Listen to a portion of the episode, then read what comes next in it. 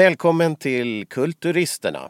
Detta kulturpodcastprogram som försöker göra världen bättre genom att eh, diskutera och uppmärksamma företeelser, ord, ortnamn i det svenska Finland men också i Sverige och eh, ja, företeelser över hela världen skulle vi kunna säga. Jag heter Henrik Thorsson, är producent och med mig har jag Erik Snellman. Välkommen med idag. Tack, tack, tack. Och du finns som vanligt hemma? Mm, det kan du ju inte veta egentligen men jag sitter ju nog hemma i, i Sibba för tillfället. Ja. Just det. Och vi sitter där vi sitter. Jag sitter i en bil i Kronohagen i Helsingfors utanför vår bostad. Och eh, tiderna är hårda. Allting blir tuffare och regeringen har sagt att det ska bli en avstängning av hela södra Finland där vi befinner oss Riksdagen har inte i denna stund ännu sagt ja till det, men det är mycket troligt att man då inte kan resa ut och in i Nyland utan väldigt speciella skäl. Och jag sitter ju här mitt bland eh, de här bestämmande damerna då som är i regeringen. De finns ju här runt mig, deras, deras ministerier. Och eh, faktum är att igår kväll just innan den presskonferensen var så var jag ute och gick här en promenad eh, eh, på behörigt avstånd från alla andra människor. Men tittade då ut och, och faktum var att från huset här bredvid så kom då svarta bilar körande strax innan presskonferensen bort till ett annat hus några kvarter bort där presskonferensen var. Så då hade de avslutat diskussionen och bestämt sig för att vi ska stänga av det som då kallas Nyland här. Men vad ska vi säga om det? det är ju, vi har pratat om det här i flera delar nu och, och det blir allt närmare ett faktum. Det jag skulle säga bara är väl att Nyland är ganska stort ändå. Ja, det stämmer det. Och nyss hörde jag på presskonferens högsta polischefen garantera och också alla små vägar kommer att stängas av så att det inte... Okej. Okay. det kan man ju... Jag menar det finns massor med, med kostigar i det här landet liksom i Sverige så att stäng nu av dem alla sen och, och ha någon där och vakta. Det kan man fråga sig om det är möjligt. Ja, det är väl fråga om att vi måste, eh, människor själva måste ta ett ansvar och sen gör man det lite svårare för dem. Men, men att det där, det är ju inte så att någon som går på en kostig nödvändigtvis smittar någon annan. Eh, riskerna finns ju mer här i centrum kanske, fler människor. Och nu är det redan så att färre rör sig. Jag var just och handlade eh, lite grann på morgonen här och alla människor byter sida på gatan när man möts eller, eller går mitt i gatan för att undvika varandra. Det är ganska ja. otrevligt men det, samtidigt är det väl en respekt vi kan säga i det här isolationen. Det finns en respekt i det också som ju de påpekar också. Jo, men jag har en sån här halvbekant på Facebook som hon är en sån här hästmänniska. Hon säger att vi borde sluta köra bil och övergå till hästtransport istället för de smittar inte som, sådär som bilarna. Ah, ja, just så det. det här med orsak och verkan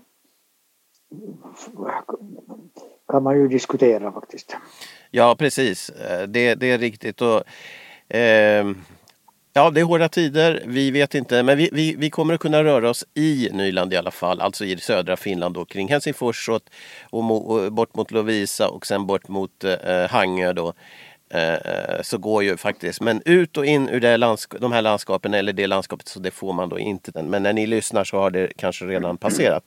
Men i alla fall Erik, vi hade tidigare avsnitt här diskuterat någonting, det var om Topelius och vi uppmärksammar ju också att du är lite den nya Topelius, även om du inte är lika känd så, så har du lite samma inställning till språkfrågan.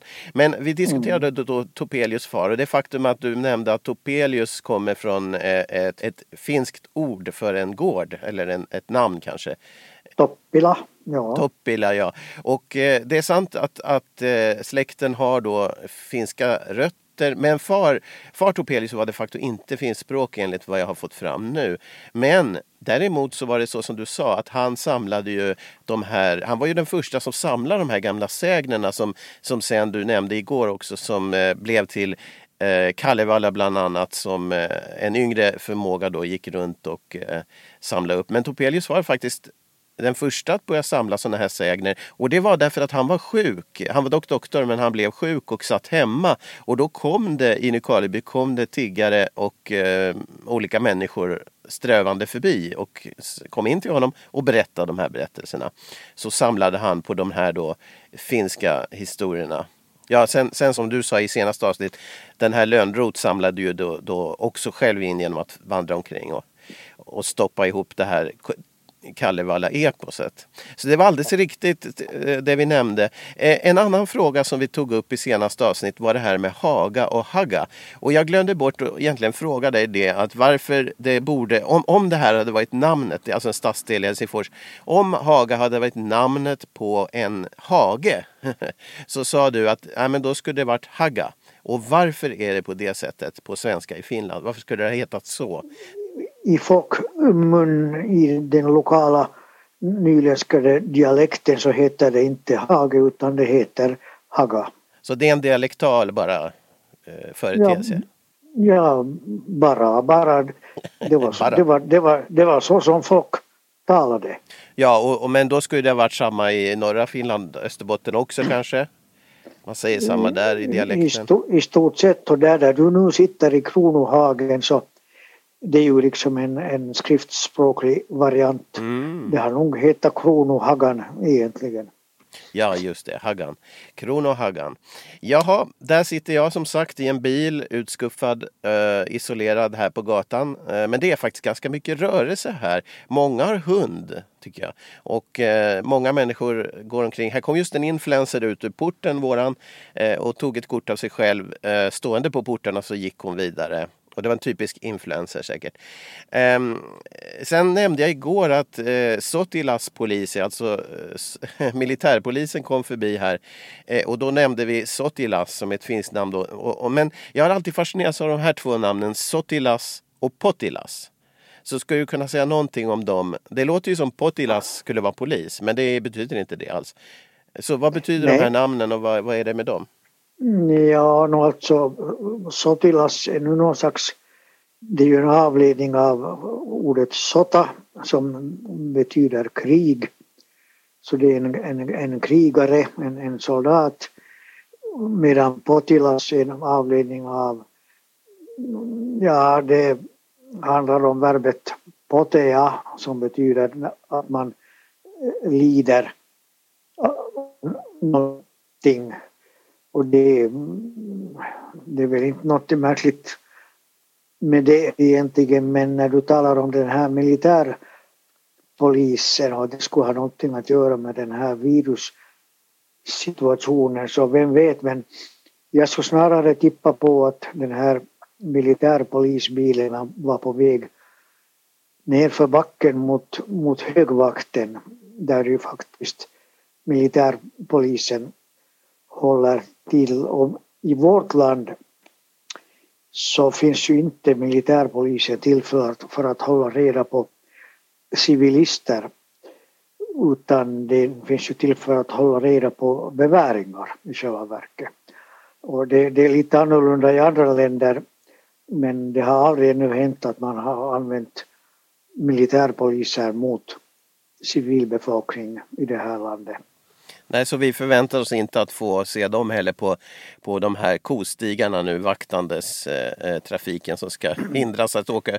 Där, där kommer inte så till poliser att finnas utan det kommer att vara beväringar, alltså värnpliktiga helt enkelt. No, alltså så en del av soldatpoliserna är beväringar så att om nu riksdagen godkänner den här ansökan om tjänstehjälp så nu kan det ju hända att det är uttryckligen militärpoliser som man skickar ut för att de kan ju, de här kan tänkas någon slags utbildning på att hålla reda på folkmassor. Ja just det, ja, men då får de en lite ovanlig eh, funktion ifall att militären alltså ska hjälpa till i den här mm. avstängningen. Mm. Men eh, när du säger potilas, det, det, vad betyder det ordet alltså? Om man översätter det till svenska? Patient. Just det, så det kopplar i alla fall till virus eh, på, på vissa sätt. Men, men det här med Tillas, det är ganska gullig ändelse på de där så Tillas på Tillas. Det, det, det är en, en angenäm, trevlig och gullig eh, form av ord. Ja.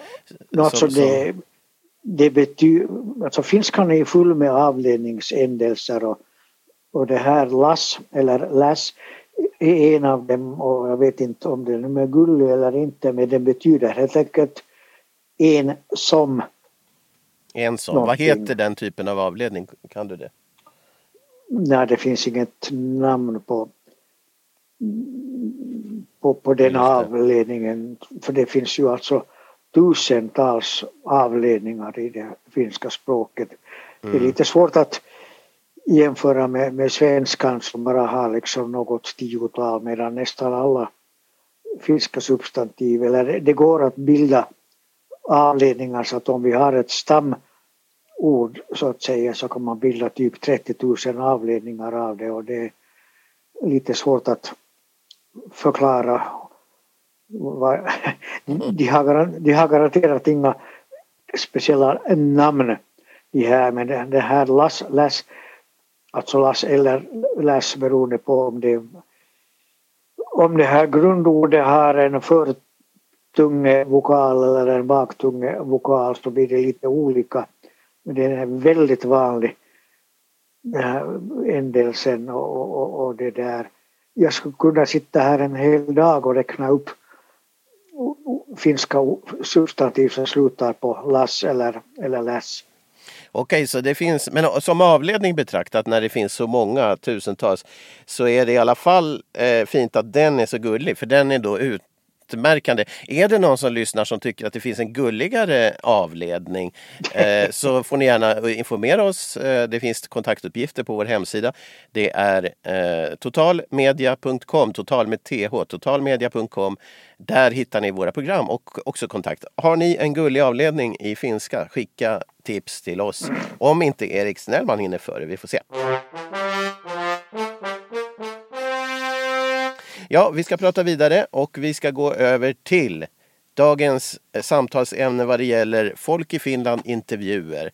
En intervju som gjordes för någon månad sedan, det var med Malou Siliakus. Hon är bekant från studentpolitiken. Hon var kollega då med utbildningsminister Li Andersson som sitter nu här i närheten i utbildningsministeriet. Eh, och hon var då i studentpolitik men flyttade till Sverige för att fördjupa sig i genusvetenskap som var ett stort ämne för tio år sedan. Fortsättningsvis stort ämne men särskilt då.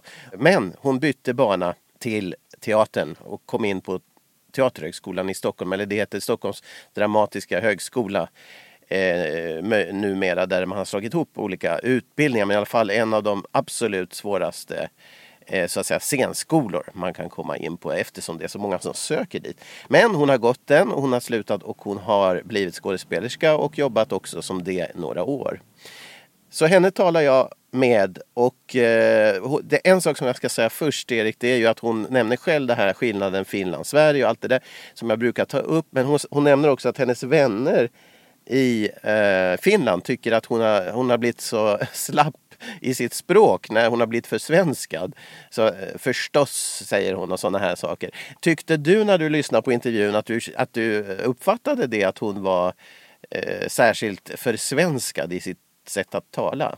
Nej, egentligen inte. Nej, jag, nu, eftersom jag kände till den här bakgrunden så kunde jag väl nog höra några små detaljer men eh, ja, det finns nog folk som talar sådär här också. Men jag tänkte på det att ehm, eh, det finns, eh, vi har talat om en, en eh, föreställning tidigare som Joakim Groth har skrivit som nu spelade på Svenska Teatern innan, innan de stängde till på grund av virusutbrottet. Den heter eh, eh, Vi är bara människor. Och där finns det en scen när Joakim själv då spelade Rico Eklund som vi kommer att träffa senare senare avsnitt igen. Eh, Rico Eklund spelar Joakim och han är i Sverige och hälsar på några släktingar. Och den här scenen handlar då om att de försöker reda ut gamla släktband och så vidare. Och de där två släktingarna som är från Finland, de har bott länge och väl i Stockholm. Och det är eh, Marika Parkomäki och Max Forsman som spelar de här två som har då en enormt enormt för rikssvenskad finlandssvenska.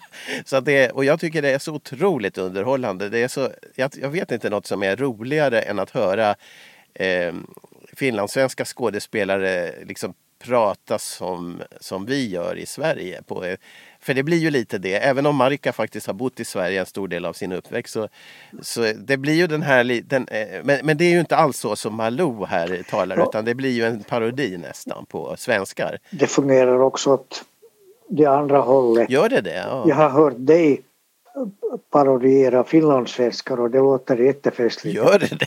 Jag, jag, jag, jag, kan inte tänka mig att det är roligt. Att det är alls lika roligt. Ja. Eh, nu ska vi säga att den här scenen i pjäsen jag nämnde det är ju inte en parodi utan det är ju, föreställer ju liksom så som de talar på riktigt då finlandssvenskar som har varit i Sverige en längre tid. Men, men att det blir ju en viss humor i det. Men ännu kanske ett strå vassare roligt är när, när någon av er eh, från Finland verkligen försöker eh, imitera oss på riktigt, alltså någon som har vuxit upp i Sverige. Det är kanske det ännu roligare. Och då säger du att när jag imiterar finlandssvenska så tycker du också att det är väldigt festligt. Så det var ju tack för det. Ja, ja till exempel när du säger bara. Bara. okej. Jag har aldrig, jag tror aldrig jag har sagt det men okej. jo, det, det gör du när du vill skoja med hur, hur vi talar. Men alltså faktum är ju att jag som språk vetare så jag vet ju att när en människa flyttar till ett annat land så försöker man ju nog, speciellt unga människor, man försöker ju medvetet eller omedvetet så vill man ju låta som, som andra låter. Ja, ja precis, jo så är det ju.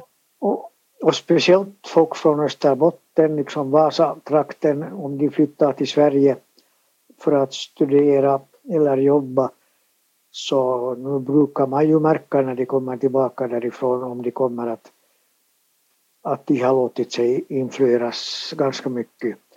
Och det handlar ju om, också om det att man vill väl inte väcka så mycket uppmärksamhet. Man vill, människan vill låta som andra människor i allmänhet. Mm. Om man inte har en väldigt stark identitet och vill betona den hela tiden på något sätt. Det finns ett, säkert exempel på det också. Ja precis. Och, och, och, eh, när man talar om Österbotten så ännu mer förr när det var mera det här med tv och nu har det blivit lite uppluckrat med, med alla, alla nätkanaler och alla möjliga kanaler. Men på den tiden när det var Sveriges TV var, var särskilt starkt. Det är fortfarande det i Österbotten när man ser på det mycket. Men, men då för 20 år sedan i alla fall ännu mera. Nå, I alla fall då var det ju så att eh, om jag gick i eh, Jakobstad i någon affär och handlade så då var det inte ovanligt att eh, den som betjänade mig svängde till en slags rikssvenska när de pratade med mig som jag uppfattade. Mm. Liksom för att anpassa sig till dem. De hade kanske varit i Sverige själva men de anpassade sig till mig. Och en annan sak var när barn var med i tv som vi gjorde olika tv-filmer då på slutet av 90-talet. De barnen, när de skulle vara med i tv, så spela en roll eller någonting, då eh, började de prata rikssvenska. För de hade lärt sig att när man är i tv pratar man rikssvenska. Så, då, mm. så när de skulle spela en roll i tv så blev den på rikssvenska. Så jag var tvungen att säga att nej men prata som du ditt eget, på ditt eget sätt. Men det, det kunde de inte riktigt förstå. Det var en rätt rolig, rolig grej. Mm.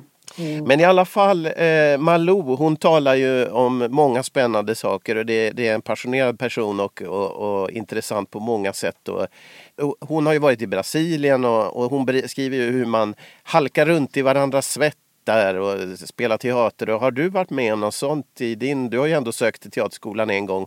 Visserligen kanske inte som skådespelare. No, men... Det här med att hacka i svett så det har jag väl kanske aldrig varit med om och vi har inte lika varmt här som man har i, i Brasilien men det stämmer att jag för 30, oj, 35 år sedan sökte in till Teaterhögskolans dramaturgilinje, alltså i, i Helsingfors. Och då var det ju på mode en sån här väldigt fysisk grej. Det var meningen att man skulle göra allting man, man skulle vara utmattad och andfådd och svettig hela tiden och det skulle på något sätt tillföra någonting till den här dramatiken. Jag vet inte riktigt vad men, men så var det på den tiden. Men jag kom ju inte in där så lika så bra kanske. Men var eh, det, var det Joko Turka eller var det något annat? No, som... Turka, ja, Turka var inte då längre chef för Teaterhögskolan men Mm. Han, men hans ande svävade över det hela och, och han fanns fortfarande där som lärare. Ja, just det. Han, han, sa åt mig att du vill bli regissör eller dramaturg. Vad är det för en dramaturg som inte kan ge på käften åt sina skådespelare? Ja, det är helt makalöst. Det var ju, ja, Jocke Durka var ju en, en känd teaterledare som hade mycket kontroversiell stil som ni märker, som Erik var med jo, också. Han jobbar ju en hel del i, i Sverige också. Och han var ju känd för att vara till och med våldsam. Ja, eh, hur var det med övriga sökande då när du sökte? Kan du komma ihåg vilka andra som sen kom in där? det var tusen, det var väldigt populärt på den tiden och det var tusen som sökte in. Mm. Och sen, sen valde man då ut hundra av dem och, och så var det liksom fem dagars inträdesprov. Och av de där tusen så var åtminstone hälften var kvinnor. Men hur det nu var så sista dagen, ja jag hängde alltså med ganska långt men på sista dagen blev jag bortvald. Sen var det tre unga killar som som blev valda och en av dem sitter i vår regering för tillfället. Jaså, vem var det då? Timo Harakka. Mm, han gjorde aldrig riktigt karriär som regissör eller dramaturg så mycket men som, som journalist. Men uh, och, själva skådespelarna var inte med på samma prov som ni då? Nej. Mm. Nej, det var faktiskt bara det handlar om dramaturgi men som sagt det var den här fysiska linjen som, som gällde så vi sprang upp och ner i trappor och folk svimmade och grät och gud vet vad det var. Det, man, det var inte alls meningen att man skulle använda sitt intellekt mm. utan man skulle använda sin kropp. Och, vi, okay. och via, via det på något sätt skapa någonting. Just det. Men eh, Haraka är minister nu i vad? Är han? Ja, traf trafikminister. Ja, det är han ja, som ytterst aktuellt då sen igår när man börjar prata om de här avstängningarna. Mm, så ja. är det aktuellt. Men han har en god dramatisk bakgrund kan vi säga. Nå, det var om Malou eh, och eh, vad mer med Malou? Vi kan, eh, vi kan säga att hon alltså är från Åbotrakten och hon har haft eh, sommarställen i, i där kring också. Och ut mot Pargasbron. Så där kom det några intressanta ortnamn som du har funderat lite på. Ska vi säga någonting om Pargas till och med först? Pargas är ju alltså en stor ö i Åbolands skärgård. Och eh, det är så med de här öarna där i, i den, denna arkipelag att de stora öarna har namn som egentligen är gammal finska, fornfinska kan man väl säga. Och de är ofta så gamla att man inte riktigt vet vad det är frågor om. De kan vara till och med 2000 år gamla.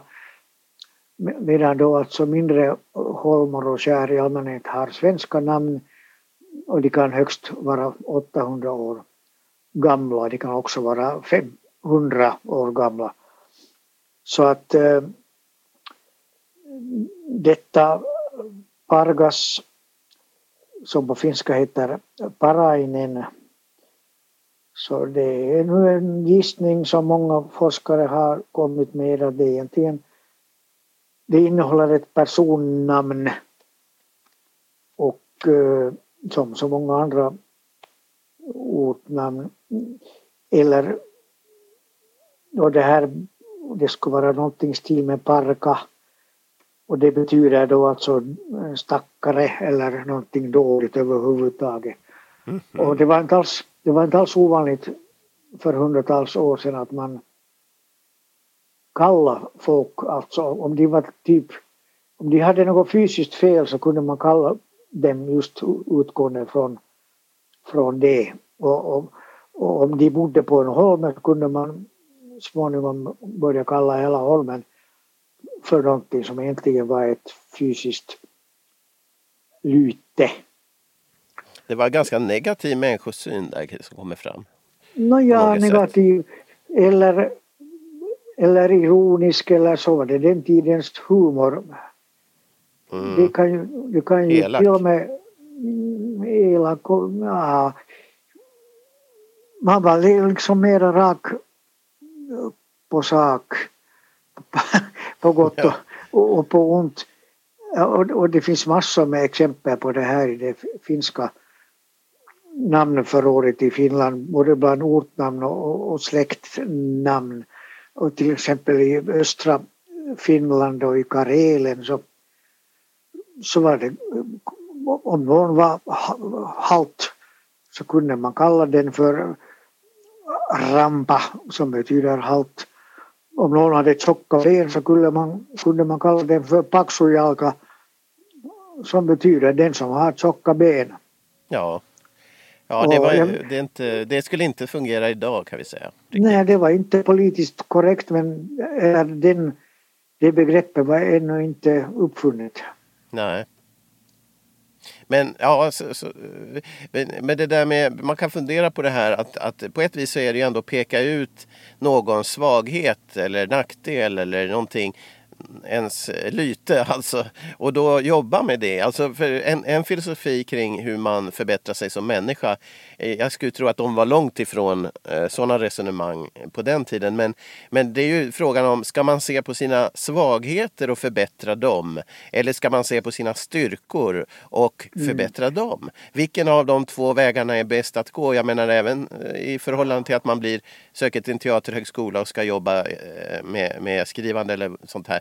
Det, ska man förbättra sina styrkor eller ska man förbättra sina svagheter? Vad tycker du? Oj, ja, då när jag sökte in till Teaterhögskolan så, så var de nog så fiffiga de här lärarna att de betonade nog mina styrkor. Var det så faktiskt? Ja. Mm, ja, Det, vi ska fråga Rico Eklund om det också för jag har fått en uppfattning och delvis att man i teaterns värld eh, kanske fokuserar mer på eh, svagheterna. Fast det, ja, det, jag håller med dig i och för sig. När man, om man då tittar som skådespelare att man, man ska ju ändå spela de roller man har lätt för. Man, man, det var nog så att, att man var begränsad på något vis. Att man kunde inte göra vissa roller för man har inte den man var inte sån. Så att man, det, det blir väl det att man då satsar på det man är bra på kanske. Man är lagd åt. ja, jag minns att jag fick, jag fick en sån uppgift i de här inträdesproven att jag fick ett verk eller ett avsnitt av någon av Strindbergs produktioner. Och avsikten var då att jag skulle förkorta honom. Ja, okej. Och det, och det ansågs ju då alltså att man kan inte förkorta Strindberg för ha- han är redan så komprimerad så att säga.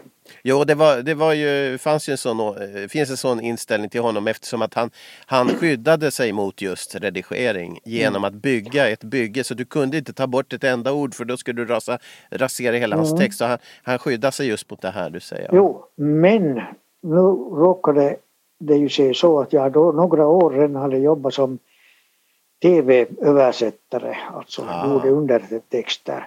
Och det handlar ju nästan enbart om komprimering. Så jag var Mm. ganska inne på, på det där och jag minns att jag fick beröm för det att aha, att han lyckades faktiskt komprimera Strindberg. Så du är inte bara en, en Topelius i vår tid utan du har också lyckats med det omöjliga, nämligen att förkorta Strindberg. Ja, det är helt Ja. otroligt. Erik Snellman Ja, är överraskningarnas expert. Men jo, Eh. Men tillbaka till de här ortnamnen. Det fanns ett till, förutom Pargas då, som nämndes av Malou Siliakus i intervjun i Folk i Finland. Eh, och det var Kostö, vad heter det? Ja, Ja, nå på svenska heter det kustö, alltså med långt u. Mm. Och där folk som inte är från den trakten så de säger ju lätt kustö om man tror att det handlar om en kust. Och en Kustö, ö ja, vid okej. kust, ja. Men det gör det alltså inte. Mm. Utan det heter kustö och det är nu en svensk, vad ska vi kalla det, efterapning av det finska kuusisto som be, betyder granskog eller ön med, med granskog. Och, och det här stället, det är nog bara egentligen vilken ö som helst.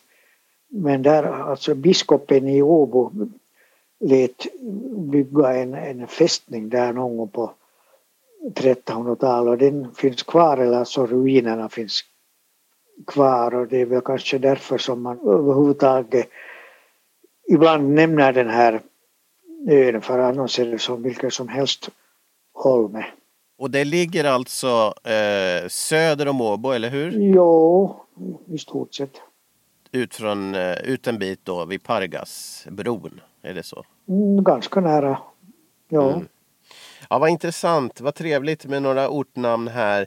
Jag ska nämna att eh, Folk i Finland finns att lyssna på på totalmedia.com. Total med TH. Det är en serie med intervjuer som du kan höra. Olika intressanta människor med koppling till Finland och det svenska i Finland. Och sen då förstås Kulturisterna, det här programmet där, du, där det nu finns ett, en radda avsnitt. Eh, båda serierna börjar bli närmare 15-16 avsnitt vid det här laget. Och eh, jag, ska, jag ska bara nämna det att vi talade ju tidigare om Zacharias Topelius här även idag. Eh, och det var ju den här tidningen Finland, tidskriften Finland som var 1885 eh, när han då eh, skrev anteckningar från det Helsingfors som gått. Det var ju Helsingfors för 50 år sedan säger han. Så det var alltså 1830-tal. Men det jag ville nämna var alltså att den där tidskriften kom ut just 1885 kring de åren. Och eh, vi återkommer förhoppningsvis inom kort med lite samtal med Rico Eklund eventuellt. Och eh, vad har vi mer att säga innan vi stänger? Vi går väl in och gömmer oss i alla fall. Men du har inget behov av att köra, åka utanför Nyland i och för sig. Du, du är väl mest i Nyland ändå? Så att... Det stämmer. Eh, men min son bor i Åbo och han hade planerat att flytta till Helsingfors om en vecka. Ja. Och det kan, det kan han då troligen inte göra. Nej, man kanske inte får flytta till, till Nyland. Nej, jag tror inte det. Men jag funderar på att flytta hit, men jag är redan här. Kan jag det då? jag får ju inte åka ut. du, måste fråga, du måste fråga eh, polisen och regeringen. Men jag menar, det är ju inte ännu. Han skulle kunna skynda sig hit imorgon. Eh, och då kan han flytta ja, hit. men man, man skyndar inte ett flyttlass. Nej. Nej, det är sant. Mm. Eh, trots alla eländigheter i världen så försöker vi få solen att lysa över det svenska i Finland, det finska i Finland och eh, Sverige och Finlands gemensamma ansträngningar. Den här serien har ju stöd från Kulturfonden för Sverige och Finland. Pengar som vi får för att göra den här serien men du har inte sett mycket av de pengarna Erik för du har inte fått åka buss nu. Jag har inte sett ett öre Nej. Och buss vill jag inte åka för tillfället. Så. Nej, så att nu är det en billig produktion. Det är väl de här böterna jag får här på gatan på min bil då möjligtvis som vi kan använda det till. Eh, men annars är det inga utlägg för närvarande. Eh, ja, Kulturisterna tackar för sig för det här avsnittet eh, och önskar eh, välmåga och eh, god hälsa till alla lyssnare och vi tackar förstås vår expert i SIBO. Tack så mycket Erik Snellman. Tack själv och hälsa polisen.